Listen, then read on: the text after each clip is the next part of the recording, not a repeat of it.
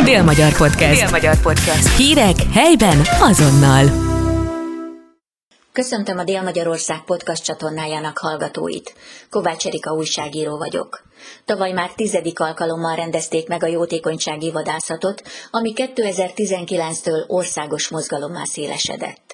Tíz év alatt a vadászok 170,5 millió forintot juttattak a magyar egészségügybe, amiből 286 orvosi eszközt vásároltak. Ezzel 110 gyermek gyógyulásához járultak hozzá.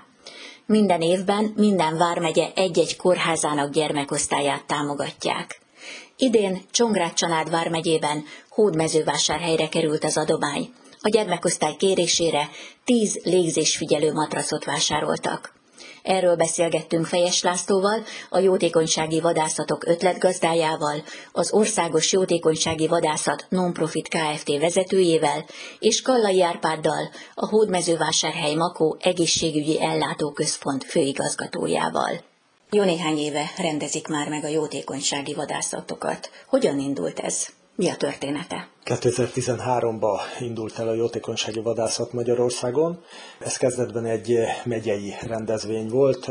Személyem támogatója volt a Fejér megyei Szentgyörgy kórháznak, magánszemélyként, illetve vállalkozóként, és egyszer arra gondoltam, hogy talán érdemes lenne ezt a programot kiterjeszteni, és tekintettel arra, hogy sportvadász vagyok, azt gondoltam, hogy ha vadásztársaimat megszólítom, akkor kedvezően fogják ezt az ötletet reagálni, és igyekeztem létrehozni egy olyan karitatív programot, amiben minél több vadász bekapcsolódik, majd hagyományt teremteni.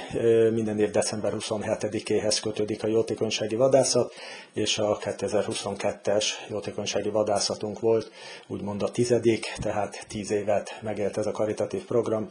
2019-ben országos kiterjesztést kapott, úgyhogy így visszatekintve tíz évre talán kijelenthető, hogy ez az ötlet nem volt ördögtől való.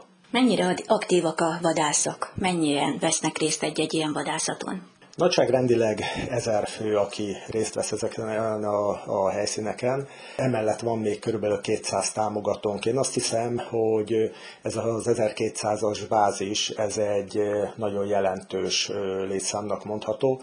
Természetesen dolgozunk azon, hogy ez tovább fejlődjön, hisz van még benne fejlődési potenciál, de ezzel együtt azt gondolom, hogy a jótékonysági vadászat mind létszámát, mind helyszíneit, mind adományozási volumenét tekintve Magyarország meghatározó karitatív programjává vált, ami pedig az egészségügyet illeti, a magyar egészségügyben a legszélesebb körreható karitatív program lett. Hogyan kell elképzelni a jótékonysági vadászatot? Tulajdonképpen miből jön össze az adomány?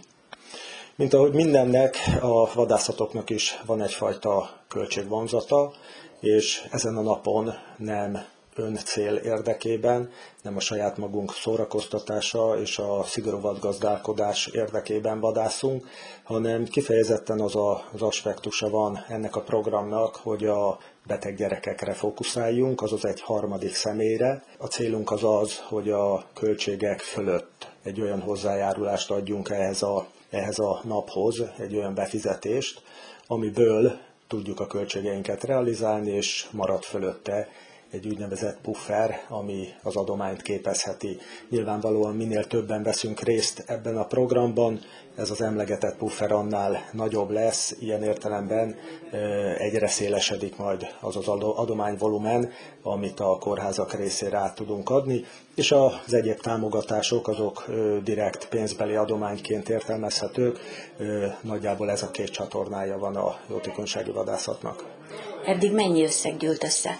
A 2022-es jótékonysági vadászatnak 46,5 millió forint az adománya, ebből 700 ezer forint jut Csongrád-Csanád megyébe, és ami a szumma összesen illeti, a jótékonysági vadászat Magyarországon eddig 170,5 millió forintot csatornázott a magyar egészségügybe, minden esetben gyermekosztályokat támogattunk, 24 kórház kedvezményezettje volt ennek az összegnek, 286 vadonatúj korszerű orvosi eszközt vásároltunk, ami tájékoztatások szerint a betegbiztonságot növeli és a, a betegellátás idejét csökkenti.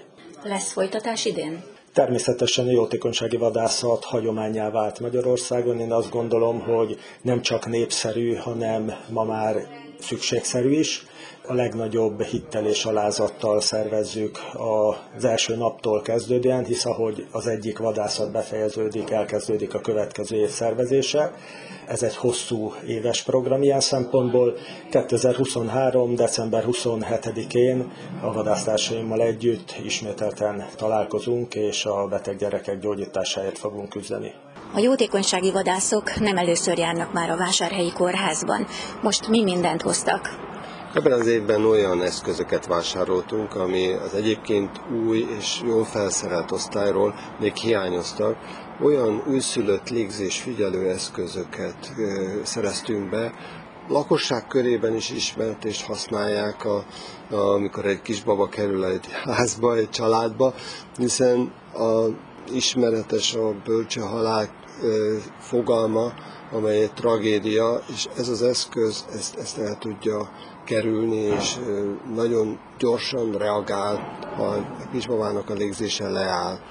Természetesen kórházi körülmények között egy állandó megfigyelésben vannak az újszülöttek csecsemők, de mégis, mégis lehet olyan szituáció, amikor a kisbaba, az újszülött az édesanyjával együtt van a korteremben, ez az úgynevezett rooming in, és az ilyen babák alá befektetett, érzékelő, az szószoros értelme életet menthet. Úgyhogy ilyen eszközökből vásároltunk 10 darabot, és én azt gondolom, hogy ennek a, az újszülöttek, az ő családjuk és mindenki nagyon örül, hiszen még nagyobb biztonságban vannak a kórházban fekvő az itt születő gyermekek. Úgy tudom, hogy ez az adomány az ön szívéhez különösen közel áll, hiszen ön is vadász.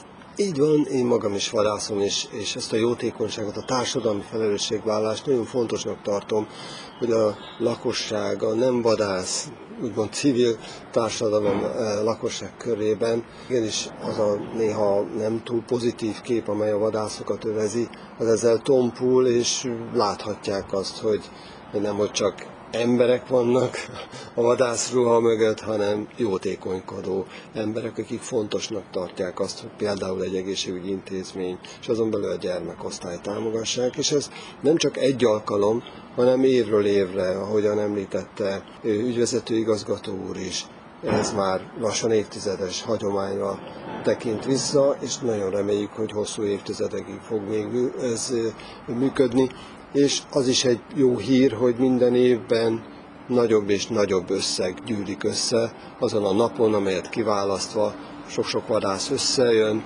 és adományaikkal támogatják a gyermekosztály, valamelyik gyermekosztályt egy-egy megyében. És az is nagyon fontos, hogy ez egy országos akció, és nem csak Csongrácsanán megyében, hanem az ország valamennyi megyében, ahol ez megszervezésre kerül, szép összegek több 10 millió forint jön össze, amely jó helyre kerül. Dél-Magyar Podcast. Dél-Magyar Podcast. Hírek helyben azonnal.